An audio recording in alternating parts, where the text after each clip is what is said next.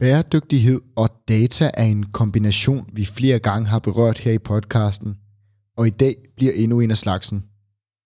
Marie, Bolette og Mads fra Aeon Connect kommer i studiet for at fortælle om, hvordan man gør det finansielt attraktivt at investere i bæredygtighed. Ikke overraskende kommer meget af samtalen i dag til at dreje sig om anvendelsen af data til at gøre det, med en afrundende diskussion omkring brugen af machine learning. Som altid kan du dykke ned i shownoterne, så du kan se, hvornår i podcasten vi taler om det, som interesserer lige netop dig. Har du derfor ikke tid eller lyst til at høre alt, kan du nemlig vælge, hvad du vil lytte til. Velkommen til endnu en episode af EDB 5.0.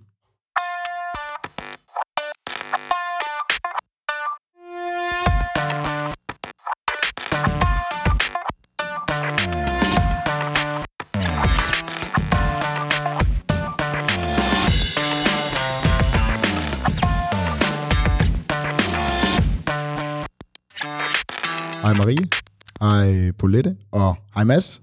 Hej. Hej Mathias. Hej Mathias. Fedt, den kom 1, 2, 3, og det kan forhåbentlig lægge kiben for, øh, hvordan vi kommer til at strukturere dagens samtale, fordi det bliver jo en debut på lidt forskellige måder. Øh, det bliver en debut for podcasten at have tre gæster med. Det er I faktisk de første, som er. Øh, og det bliver også, skal vi næsten kalde det en debut for Aeon Connect Yes. Yes. i noget offentlig debat, offentlig publicering. Mm. Ja. Det er spændende. Ja. Og øh, inden vi optog her, så sad vi og talte lidt om, om vi skulle sige Aeon eller Ion, og det er jo forskelligt, om vi taler på dansk eller engelsk. Præcis. Det er Og korrekt. det danske er Eon. Aeon Connect. Godt. Og lige for god journalistisk skyld, så er vi tre jo, eller vi fire er vi jo så til sammen, øh, tidligere kollegaer i Venso. Øh, det er vi ikke mere, fordi I hoppede over i Aeon Connect og været med til at starte det.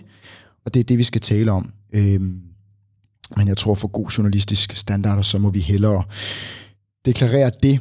Og når det kedelige er deklareret, og vi har det kedelige navn på plads, så lad os hoppe til noget af det mere spændende.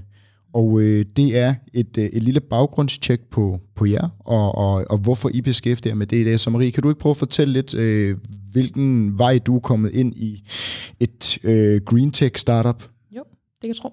Jamen, jeg er øh, uddannet i, du kan sige, krydsfeltet mellem IT og forretning fra Aarhus Universitet, og startede direkte derfra min, øh, min managementkonsulentkarriere, som du sagde, i Venso, og øh, arbejdede der i en, en tre år, også igen med øh, i bindeledet her, meget med fokus på forretningsprocesser og digitale strategier, og fik så muligheden her for et par år siden at hoppe over i den her mere, hvad skal man sige, den grønne agenda og med det mere øh, bæredygtige vinkel. Stadigvæk med fokus på bindeledet mellem forretning og IT, men også med det her bæredygtige perspektiv, som bare for mig personligt simpelthen giver så, øh, så god mening.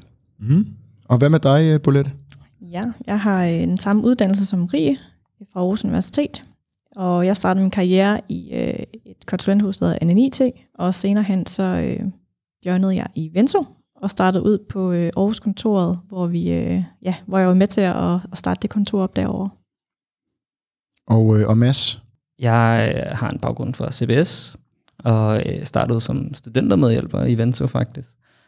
Um, og øh, efterfølgende så øh, har været ude hos lidt forskellige kunder, og øh, blev egentlig øh, tilbudt af Bolette øh, at komme og hjælpe på Air Connect, øh, mens jeg stadig var i Vento.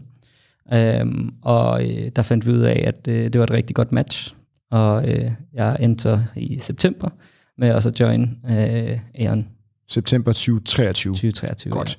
Så det vil sige nogle ret homogene veje, øh, tør jeg godt tillade mig at, at kalde det. Og, øh, og lige før vi skal vende Aeon Connect og, og, og derefter fordybe os i det, kan I så ikke lige prøve at forklare mig lidt om, hvorfor I har valgt at tage springet fra noget meget, skal vi kalde det klassisk og sikkert som consulting, som I jo tydeligvis har kunne finde ud af, og, og Bolette, du har endda været to forskellige steder, øh, til at springe over i noget meget ukendt og noget startup og forsøge at, skal vi tale om senere, at, at kvantificere og, og gøre det finansielt attraktivt at arbejde med, med green tech. Hvorfor? Jo, jamen øh, det kan være, jeg skal starte her. Det startede egentlig ud med et projekt, som vi kender det fra consulting, hvor at øh, man bliver, man kommer på et øh, altså på en case, hvor at øh, man kan sige spørgsmålstegn var her, kan vi på en eller anden måde forene øh, det at oprette en skov, sammen med IT. Så kan vi på en eller anden måde bruge teknologi til at understøtte oprettelsen af en skov, så det kan blive mere troværdigt at investere ind i et skovprojekt, og hele det, der hører med med compliance og troværdigheden i, at skoven rent faktisk også står der, og at man har de punkter på, for eksempel hvor meget CO2-optag, der bliver optaget i den her skov, kan vi på en eller anden måde gøre det mere troværdigt ved hjælp af teknologi. Så det var en, øh, et projekt, jeg kom på for, det må være snart to og et halvt år siden, sammen med en øh, del andre kollegaer i Vento. Og øh, det arbejdede vi på et års tid, og så hen ad vejen, så endte det med at være en, en rigtig god idé. Og det blev så, øh, ja, det blev så til sit eget øh, kan man sige, område i Venso, hvor vi så øh, arbejdede videre med det øh, til den dag i dag, hvor det så blev sit eget selvstændige selskab. Så det var lige den helt korte vej. Og så har vi fået to med undervejs, og så synes jeg næsten, de skal sætte mere ord på. Så altså øh, fra et, et, skal vi, et internt projekt til det voksede sig til noget så stort, som faktisk skulle tages så seriøst i sin eget, øh, egen virksomhed øh, og egen ejerkreds osv. Lige præcis. Mm. Og lad os nu tage den så nu. Aeon Connect. Hvad er det? Og sidder ikke, så sidder, sidder, ikke, sidder og kigger på hinanden. Hvem svarer, hvem svarer. Vi er blevet stærkt instrueret i, at det skal være en super kort introduktion her, så jeg tror, det er det, vi er lidt panikken over, hvordan Godt. vi siger det så kort. Godt. Men hvis jeg skal forsøge. prøve at sige det sindssygt kort, så Aeon Connect er en platform. Så det er en platform, et stykke software i virkeligheden, som er bygget på toppen af en DLT-infrastruktur, Distributed Ledger Technology, som er en, hvad skal man sige, forgængeren for det, som vi populært kender som blockchain. Så vores teknologi her, vores platform, den kan gå ud, og så kan den hjælpe med opsamling, øh, data, øh, generering, øh, rapportering, alle sådan nogle ting på, øh, på natur til at starte med. Øh, vi vil jo rigtig gerne kunne se den også skalere på sigt, men lige nu så er det i forhold til data på natur, og hvad skal man sige, få data til at give mening. Det giver god mening. Flot, flot beskrevet, og, og bestemt nogle avancerede teknologier, som, som ligger bag med noget DLT og, og noget teknologi, vi ikke rigtig har berørt her i podcasten før. Øhm, Mads, nu får du en lidt anden opgave af mig, og det er at forklare det samme, som Marie gjorde, men forklare det til mig, som om jeg er fem år gammel. Hvad er det, I gør i Aeon Connect? Mm. Egentlig det, vi prøver at, at opnå med Aeon Connect, det er at øh, skabe, gøre natur til et værdifuldt aktiv, hvor at man øh, historisk set har øh, brugt naturens ressourcer øh, som en udvindingsressource. Øh, og den perception vil vi gerne ændre øh, ved at egentlig kunne levere data på natur og vise alle de forskellige services, som naturen leverer.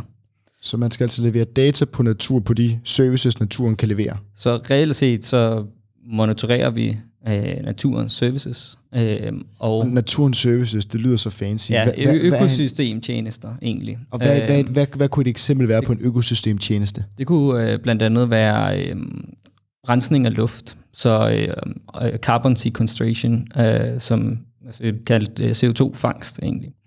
Øh, fordi det er en del, som skov, skov blandt andet øh, leverer. Øh, det gør jorden også, øh, vandet gør. Øh, Øhm, men øh, rent teknologisk set har vi bare ikke været modne, eller altså i verden har man ikke været moden til at kunne opsamle så kompleks data. Øh, men på grund af, at vi har fået øh, meget høj kvalitet af data fra blandt andet øh, satellitter, øh, vi har også et rigtig godt grundlag af data i Danmark øh, på jordbundstyper og ja, på, øh, hvor der er oversvømmelser osv. Så, videre. så vi samler egentlig alle de her forskellige datakilder øh, og viser, hvad natur reelt set leverer af værdi. Øh, og øh, som det ser ud lige nu, øh, så er virksomheder de er svært ved at kunne øh, rapportere på det. Øh, fordi det er også meget komplekse data, øh, og der er rigtig mange forskellige datakilder.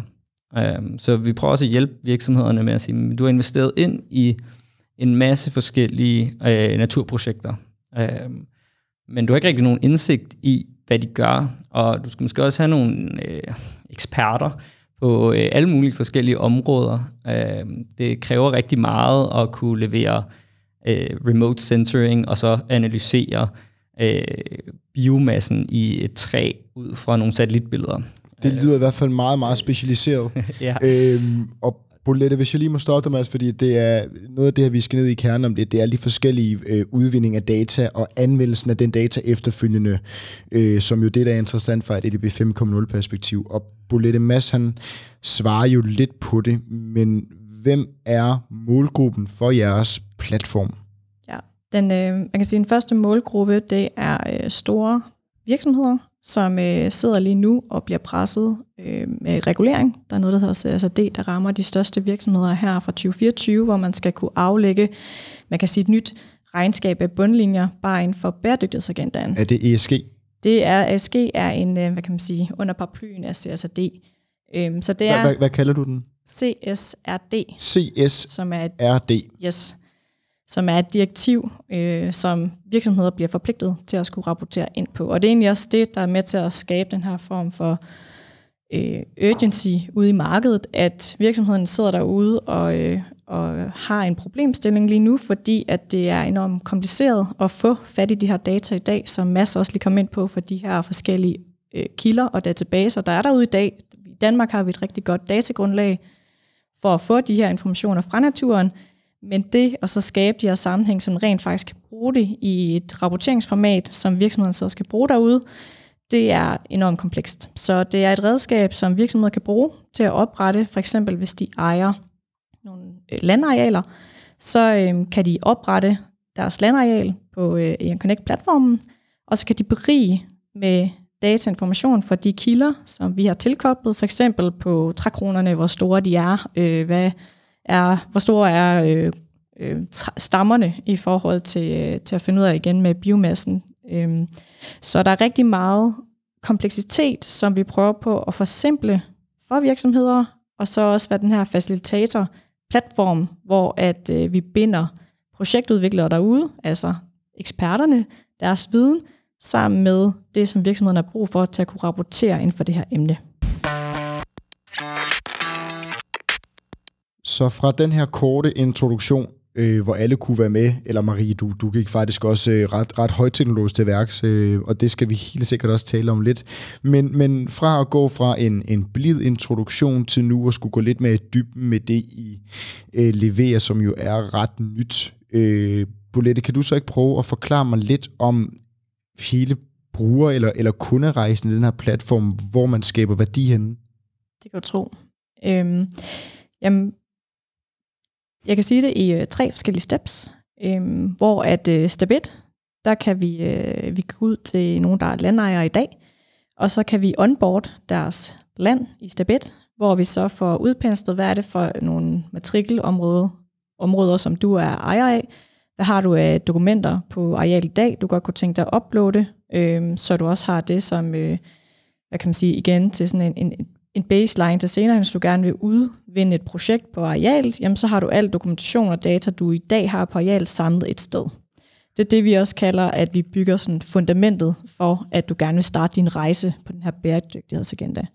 I step 2, jamen så øh, handler det om, at øh, kunden, kan vi sige, godt kunne tænke sig at berige det her areal med noget øh, data og indsigt. For eksempel, hvis de nu gerne vil oprette et øh, nyt projekt om øh, skovrejsning, jamen øh, så handler det om, at, øh, at step 2, at man beriger det med, med datainformation, fordi de nu har besluttet, vi vil oprette et skovrejsningsprojekt på det her landareal. Så øh, går de i gang med, at øh, vi hjælper dem med i netværket at tage fat i rigtig dygtige øh, skovrejsningsfolk øh, derude. Øhm, og øh, så handler det om at indsamle al den dokumentation, der skal bruges på hvilken bevoksningsliste, hvad for en... Øh, øh, hvad for nogle jordforhold er der? Øh, hvad er det for en, en, øh, en handleplan, der skal laves for det her givende areal, for at vi kan komme i gang med den her skovrejsningsplan? Og al den her datainformation er det, vi kalder, at vi beriger arealet med information. Step 3, det handler så om, at øh, lidt længere frem i tiden, i, på brugerrejsen, hvad er det så, vi kan bruge al den her data og information til? Og øh, det her, at øh, det bliver lidt mere øh, teknisk, kan man sige, men den måde, vi siger, den måde, vi omtaler det i dag, er et, øh, et digitalt aktiv, fordi vi jo egentlig har lavet en digital repræsentation af det her areal.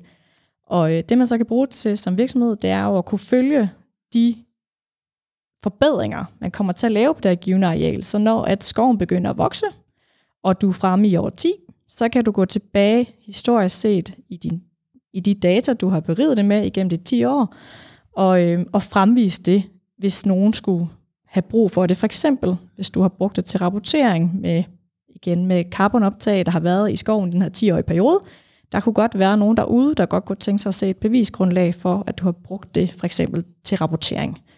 Så det er sådan meget kort fortalt øh, brugerrejsen. Så en, øh, en digital tvilling på et øh, fysisk aktiv i virkeligheden var, øh, var bare lige for at opsummere, det er det, der sker i, øh, i step 3. Og det er vores, hvad skal man sige, sådan simple bidrag til, at historisk set så har investeringer ind i natur været, haft rigtig meget et ry af at være sådan mere filantropiske end faktisk finansielt attraktive.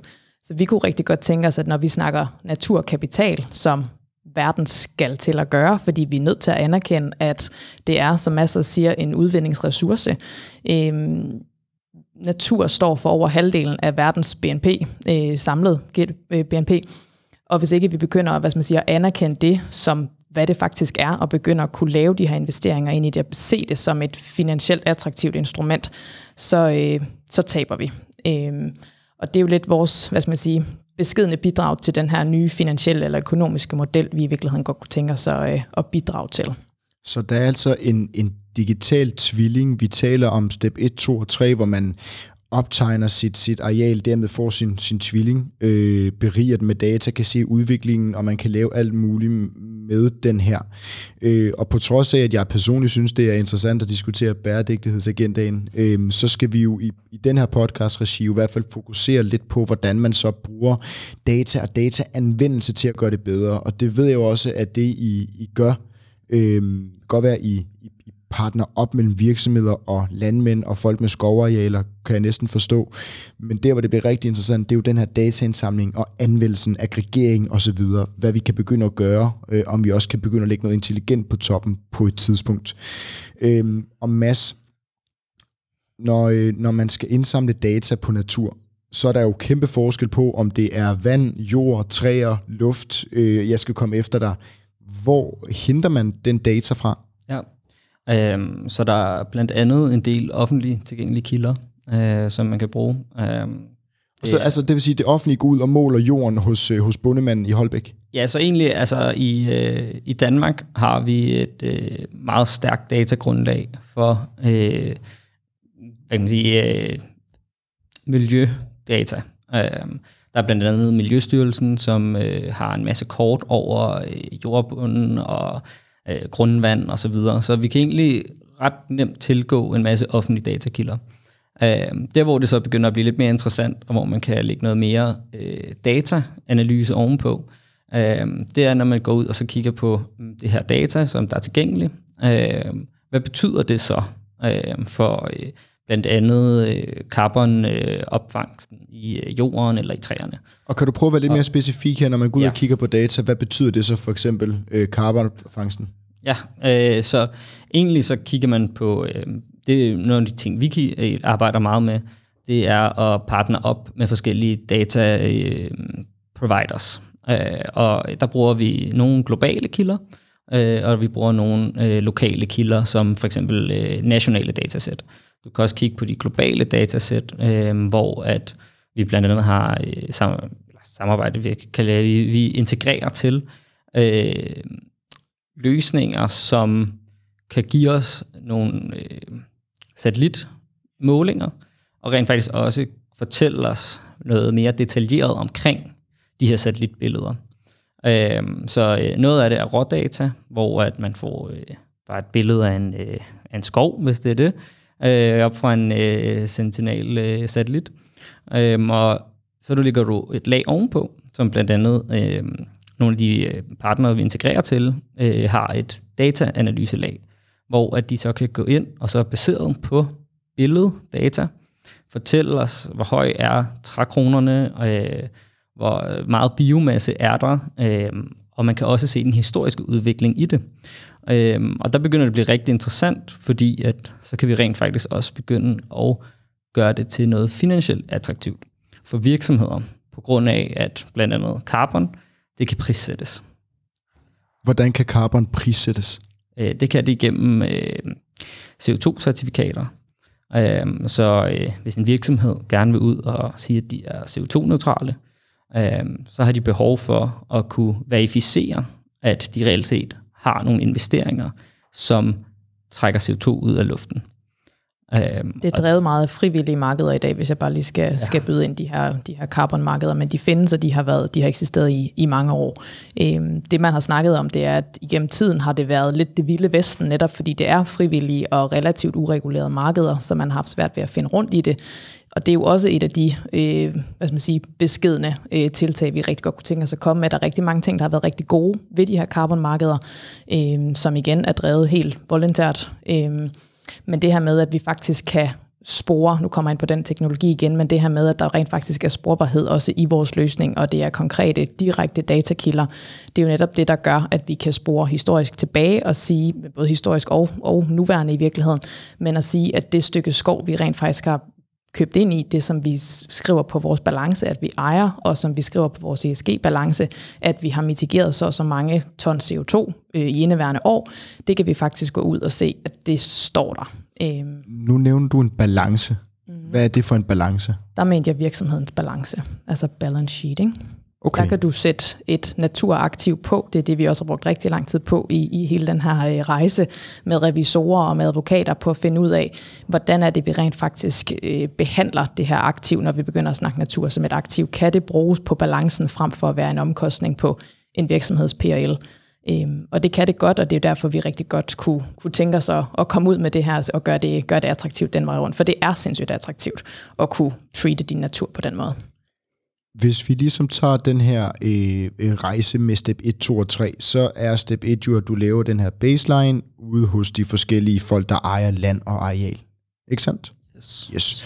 Og step 2 er så, at man begynder at berige det med de her data, du talte om, Mads. Mm. Øh, satellitdata, dronedata, øh, jord, jordbundsdata. Mm. Det er jo øh, ja. meget, meget anderledes data, vi taler om i dag, ja. end det vi normalt plejer mm. at, at tale om.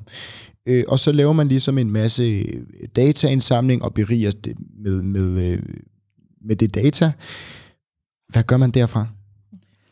Det er et rigtig godt spørgsmål, og øh, det er også der, hvor det, kompleksiteten den øges, fordi det kræver, at der er nogle, øh, man kan sige, nogle, nogle rammeværker, hvor du kan paketere det øh, til, til det her aktiv, som vi også kalder det. Og øh, det er her, hvor at øh, teknologien også bliver brugt til, at vi kan prøve på at øh, lave nogle form for templates, man skal kunne udfylde, så vi kan hjælpe med at gøre det til det samme format, øh, hvormed du indrapporterer nogle forskellige former for data, så det bliver nemmere for virksomhederne at rent faktisk at bruge det samme format, upåagtet hvilket form for naturprojekt for eksempel du gerne vil oprette. Så det er også øh, kompleksiteten, der, der fylder hos os lige nu. Det er, at her har vi brug for eksperterne derude, der kan forklare os om, hvordan laver man for eksempel det bedst mulige rammeværk for at oprette en, øh, en, en skov, for eksempel. Igen skovrejsning. Det kunne også være inden for øh, landbruget. Hvad skal, hvad skal landmændene gøre der ude for for eksempel at lave mere bæredygtig landbrug? Øh, hvilket, som jeg også, øh, som vi ved, er et rigtig stort øh, debatemne lige nu inde hos politikerne.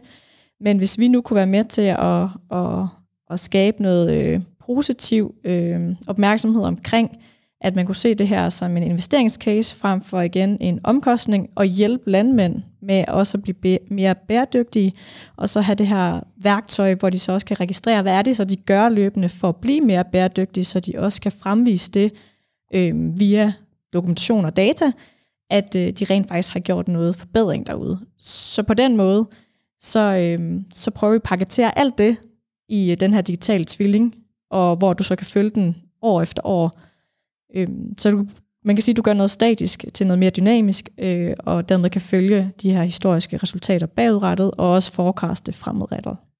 Og lad os gribe fat i forecast lige om lidt. Øhm, om du så er en, en, en landmand, der skal følge et, et direktiv fra, fra staten eller fra EU, eller om du er en virksomhed, som har købt op i noget for at øh, gøre det til natur til et aktiv og få de her, hvad kalder du det, carbon-certifikater? Øh, ja, det er i hvert fald det, vi køber på det frivillige marked, ja. Yes, øh, og, og, og, og kunne bruge det aktivt. Øh, så er der jo en masse forskellige datakilder og en masse forskellige data, man kan rapportere på. Kan man på nogen måder aggregere det her data, eller vil det altid bare være luftdata luftdata og jorddata og jorddata, eller kan man lave et eller andet magi med det? Mm, ja, Det, og det er også det, vi kigger meget ind i, det er at få hjulpet virksomheder og landejere generelt med at få et porteføljeoverblik over alle deres øh, naturinvesteringer, men også lave nogle øh, metrics på det. Sådan, så det ikke bare er øh, satellitbilleder, men det kan være øh, mere hvad kan man sige, øh, talbaseret. Øh, så sådan som det fungerer ofte, det er, at du, øh, vi arbejder meget med rasterdata, øh, som er øh, billeder og øh, pixels, øh, hvor at hver eneste pixel, den fortæller noget omkring det område. Øh, så en pixel kan være øh, mørkegrøn, og så er det et højt træ, hvor den kan være lysegrøn, og det er et mindre træ. Øh, men, øh, men tankegangen er mere også, at du, du tager alt det her data, som er meget øh, GIS-data, Geospatial øh, Systems, nej, sorry. Geographical Information Systems, Systems ja. ikke? Ja, om det er Geospatial Analysis, som vi primært arbejder med. Øh, det er, at du får øh, satellitdata, øh, og så bearbejder det. Øh, og en af de store udfordringer, når vi kigger på mere global data, det er, at pixlerne så øh, kan være meget store. Så en pixel kan repræsentere 100 meter. Øh, og det gør så, at datakvaliteten ikke er lige så god. Øh, men øh, der kan man rent faktisk få øh, data helt ned på øh, en halv meter, og, øh, og virkelig få altså indsigt i de her naturområder. Øh, og med den datakvalitet kan du også rapportere meget effektivt og aggregere alt data ind, og så sige, at jeg har øh, lad os sige 1000 hektar, øh, og hvor meget af det er skov, hvor meget af det er landbrug, hvad er den samlede CO2-optag på hele mit område. Øh, lige nu kigger vi også ind i partnere, som kan levere biodiversitet. Øh, vi kigger også på grundvandsbeskyttelse. Øh, og tanken er egentlig, at du kan lægge flere og flere datapakker, øh, eller datasæt, oven på dit landområde, og aggregere det. Så, så aggregering foregår ligesom i at sige, okay, nu har vi øh, 300 øh, hektar øh, hvad det, skov, vi har 300 hektar ren land, og så har vi 100 hektar, og nu skal I endelig grine af mig, fordi jeg kan ikke de rigtige betegnelser, 100 hektar øh, ved det, øh, vandløb gennem mit, mit øh, område. Så aggregeringen består her i, at så aggregerer man alt sammen, og så kigger man på det samlede output og siger, okay, det er det her, du redder, eller det er det, du afhjælper klimaet med, og det kommer så ind på balancen. Det kan du sige, at hvis det er din samlede, okay, 700 hektar, så, så får det. du et, øh, et, et samlet blik igennem. Hvis det er dem, du har været inde i, igen tilbage til bullet step 1, det er ligesom det, du har onboardet inde på vores platform, så skulle du meget gerne nå hen til at kunne få et samlet overblik over, hvad er det så faktisk, du gør inde på de her respektive øh, områder. I dag er det klart carbon, vi er længst på, men nu masser os ind og røre ved biodiversitet, og der vil dit vådområde, som jeg forestiller mig, du vil hen til på de sidste 100 hektar, så vil de jo højst sandsynligt også generere super, super meget på biodiversiteten. Så så snart verden ligesom er klar, eller lovgivningen er klar med reguleringer og med, med, øh, med løsninger inde på det her område, så, øh, så skal vi også i, i den retning. Og jeg tror også bare lige, at jeg vil pointere her, at vi er absolut heller ikke eksperter inden for natur. Vi, øh, vi har lært rigtig meget gennem de sidste par år, men øh, det er her, hvor vi også øh, vil understrege, at det er vigtigt, at vi har partner med ombord. Øh, vi er IT-folk, og det er den baggrund, vi kommer med. Vi er rigtig gode til at give mening ud fra data og lave den her, man godt kalde en compliance-platform, værktøj, hvor du kan opsamle de her forskellige typer af projekter og berige med forskellige datapakker. Men vi bruger os rigtig meget på at have eksperter med indover, så vi heller ikke øh, kloger os på ting, som, øh, som vi gerne vil holde ud fra vores, hvad kan man sige, Ekspertiseområde? Ekspertiseområde, ja. Godt. Okay. Og det er også derfor, jeg undskyld, Mads, kom endelig. Nej, det var bare lige for at tilføje os i forhold til alle de partnere, som vi integrerer op imod. Det er dem, der er eksperterne. Det er dem, der leverer dataen ind til os. Øh, vi er mere en dataplatform, der skal facilitere det og gøre det nemt for virksomhederne at styre. Og lad os fortsætte diskussionen omkring den her dataplatform, der skal facilitere. Fordi Bolette, du nævner forecasting lige før. Ja. Og det er jo her, det for alvor begynder at lugte af noget spændende for tre gamle IT-konsulenter, som I kalder jer selv. Så forecasting af data. Ja. Hvis jeg stiller det som et åbent spørgsmål, Hvordan Jamen, jeg, kan måske, det så? Øh, jeg kan måske starte øh, i forhold til at tale ud fra et brugerperspektiv, og så ved jeg, at der i hvert fald sikkert nogen, der rigtig gerne vil supplere.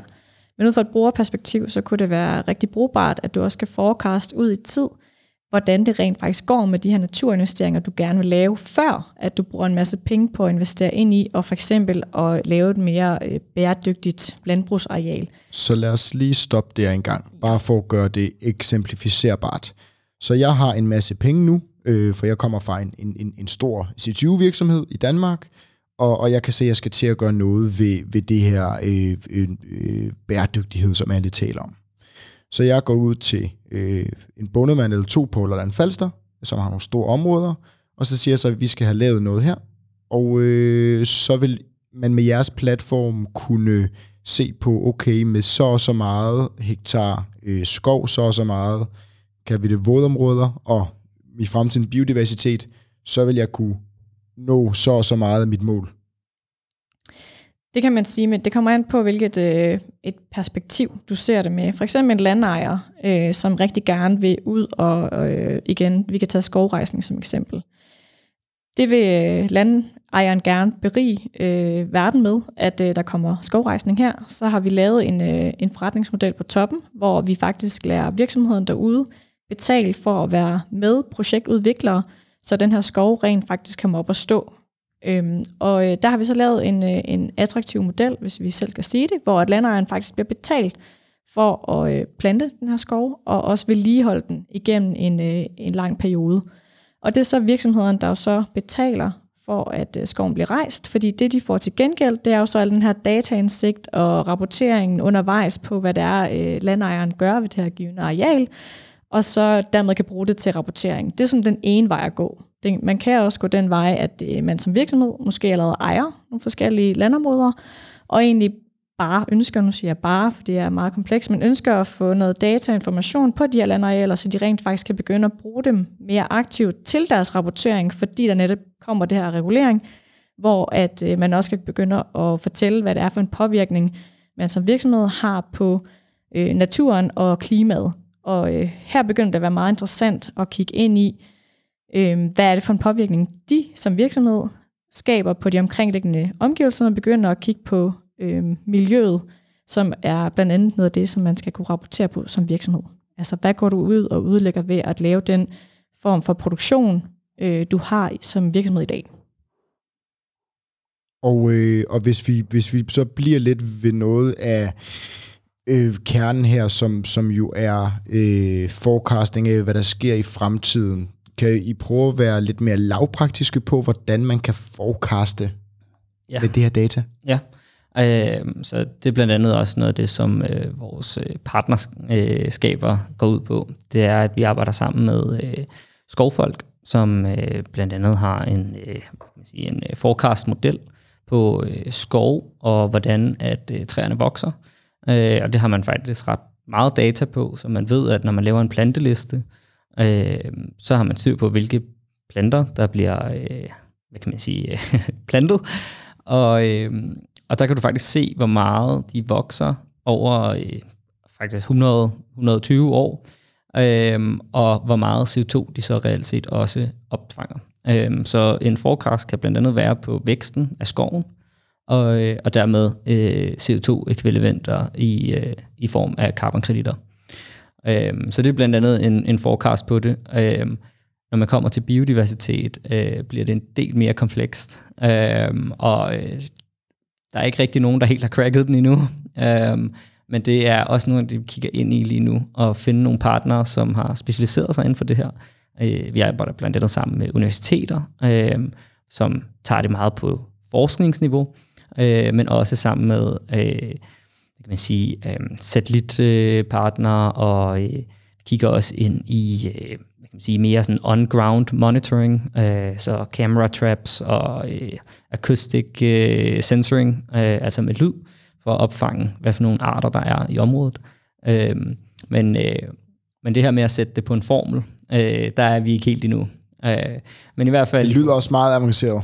Det er det også. Øhm, og øh, økosystemer er meget komplekse og meget diverse. Øhm, så det her med at øh, lave en formel til, til alle økosystemer, det, øh, det er også rimelig udfordrende. Øhm, men, øh, men man kan sætte øh, nogle, øh, nogle, nogle mål op, øh, og man kan vide, at hvis vi øh, dyrker skoven på en bestemt måde, og planter og giver lys, og har nogle vådområder, øh, så har vi i det mindste øh, forudsætningerne for, at der også kommer biodiversitet. Øh, så det er en af de måder, vi også kigger på det på. Her afslutningsvis, så kunne jeg godt tænke mig, at øh, udover at vi skal diskutere AI-ML, eller ML-AI, om man vil, at vi så diskuterer lidt omkring det her med at gøre det finansielt attraktivt, for det er noget af det første, I faktisk siger, øh, og jeg kunne godt tænke mig at bore lidt mere i det. Øh, fordi det føles tit som om, at alt hvad der skal ske på, på bæredygtighedsagendaen skal være lidt feel good, og, og vi skal gøre noget, men det må heller ikke gøre for ondt på virksomhedernes bundlinje. Så kan vi ikke lige prøve en gang til at, at tale om, hvorfor og hvordan det bliver finansielt attraktivt? Det kan du tro. Øh, og du har fuldstændig ret, og det var også det, jeg lagde ud med i forhold til de filantropiske investeringer. Det er meget sådan, natur har været set øh, på hidtil. Det vi i virkeligheden godt, hvis jeg skal sige det sådan relativt populært, det vi godt kunne tænke os, det er at skabe en form for, øh, du kan sige FOMO i forhold til at eje positive tilskrivninger til natur øh, og ligesom bidrage på den måde positivt. Så hvis man kan skabe den der i virkeligheden fear of missing out i forhold til de her positive naturinvesteringer, så tror vi på, at man er, man er rigtig langt. Så vi hjælper med at skabe et, du kan sige et narrativ omkring natur som en del af vores velstand. Så vi vil jo rigtig gerne have, at vi kan skabe en positiv øh, business case for virksomheder, privatpersoner, landejere, forskellige personer i virkeligheden, som er interesseret i at komme med på den her, øh, den her bølge af, af de her investeringer. Så grunden til, at det bliver finansielt attraktivt, er jo, at i dag der er det kun carbon, som vi også har været inde på i forhold til de her frivillige carbonmarkeder, som regulatorisk kan prissættes og som er prissat, øh, til fremtiden, eller i fremtiden, så bliver det mange flere, eller alle af de her økosystemtjenester, som kan være biodiversitet, rent grundvand. Øh, det kan være så mange af de andre ting. Det kan også være, hvordan du hjælper i forhold til, til community. Så det er, jo, det er jo datapakker, som vi løbende rigtig gerne vil putte på. Så er du hurtig at investere ind nu, så kan det godt være, at der kun ligger carbon i din, i din pakke, så at sige. Øh, men vi skulle rigtig gerne kunne løbende også gøre den her business case bedre, fordi vi putter de her ekstra økosystemtjenester ovenpå, som vi ser en forbedring på øh, i de her naturtilskrivninger. Så det er altså ikke øh, forkert at sige, at øh, det, det kun er muligt at lave man kan sige, målinger på carbon lige nu, men at i fremtiden vil det også være muligt at lave målinger på biodiversitet og på alt muligt andet, og det er lige så valid data at, at rapportere på som carbon? Man kan sige, at der kommer, der kommer til at være der i mange forskellige afskygninger i forhold til også at måle på de her øh, økosystemtjenester, blandt andet også biodiversitet. Det kommer til at være i forskellige siger jeg, flavors, men som helheden af det, Marie lige nævnte, det, var, eller det er, at, øh, at se naturen som helhed, at det er finansielt attraktivt at investere ind i. Og så kan det godt være, at øh, man har nogle forskellige fokuser, og øh, det er for eksempel igen carbon, man får ud af, af det her projekt. Det kan også være, at det netop beriger med flere forskellige økosystemtjenester, men essensen i det er, at du ser på et naturområde og, øh, og kan bruge det, den afgiver af, af gode effekter løbende, fordi du bliver pålagt som virksomhed til at kunne rapportere på det, eller som landejer til at kunne vise dem, du gerne vil levere nogle råmaterialer til, hvordan de rent faktisk er bæredygtigt produceret. Og det kommer der til at være bevisførelse for i fremtiden, hvilket indtil videre har været frivilligt, om man vil. Øhm, men det kommer til at blive pålagt, at du kan fremføre beviser for, hvordan du bæredygtigt har produceret nogle givende råmaterialer eller produkter i fremtiden. Og det er det, der er hele essensen for, at øh, der er et marked for det i dag, til at gøre det finansielt attraktivt. Og det er jo stadigvæk forholdsvis early days for, for Aon Connect. De gik jo live i, i øh, halvdelen af den sidste halvdel af, af 2023. Nu skriver vi primo 2024, øh, og har selvfølgelig taget en masse læringer med jer, og, og ting, I skal arbejde videre på.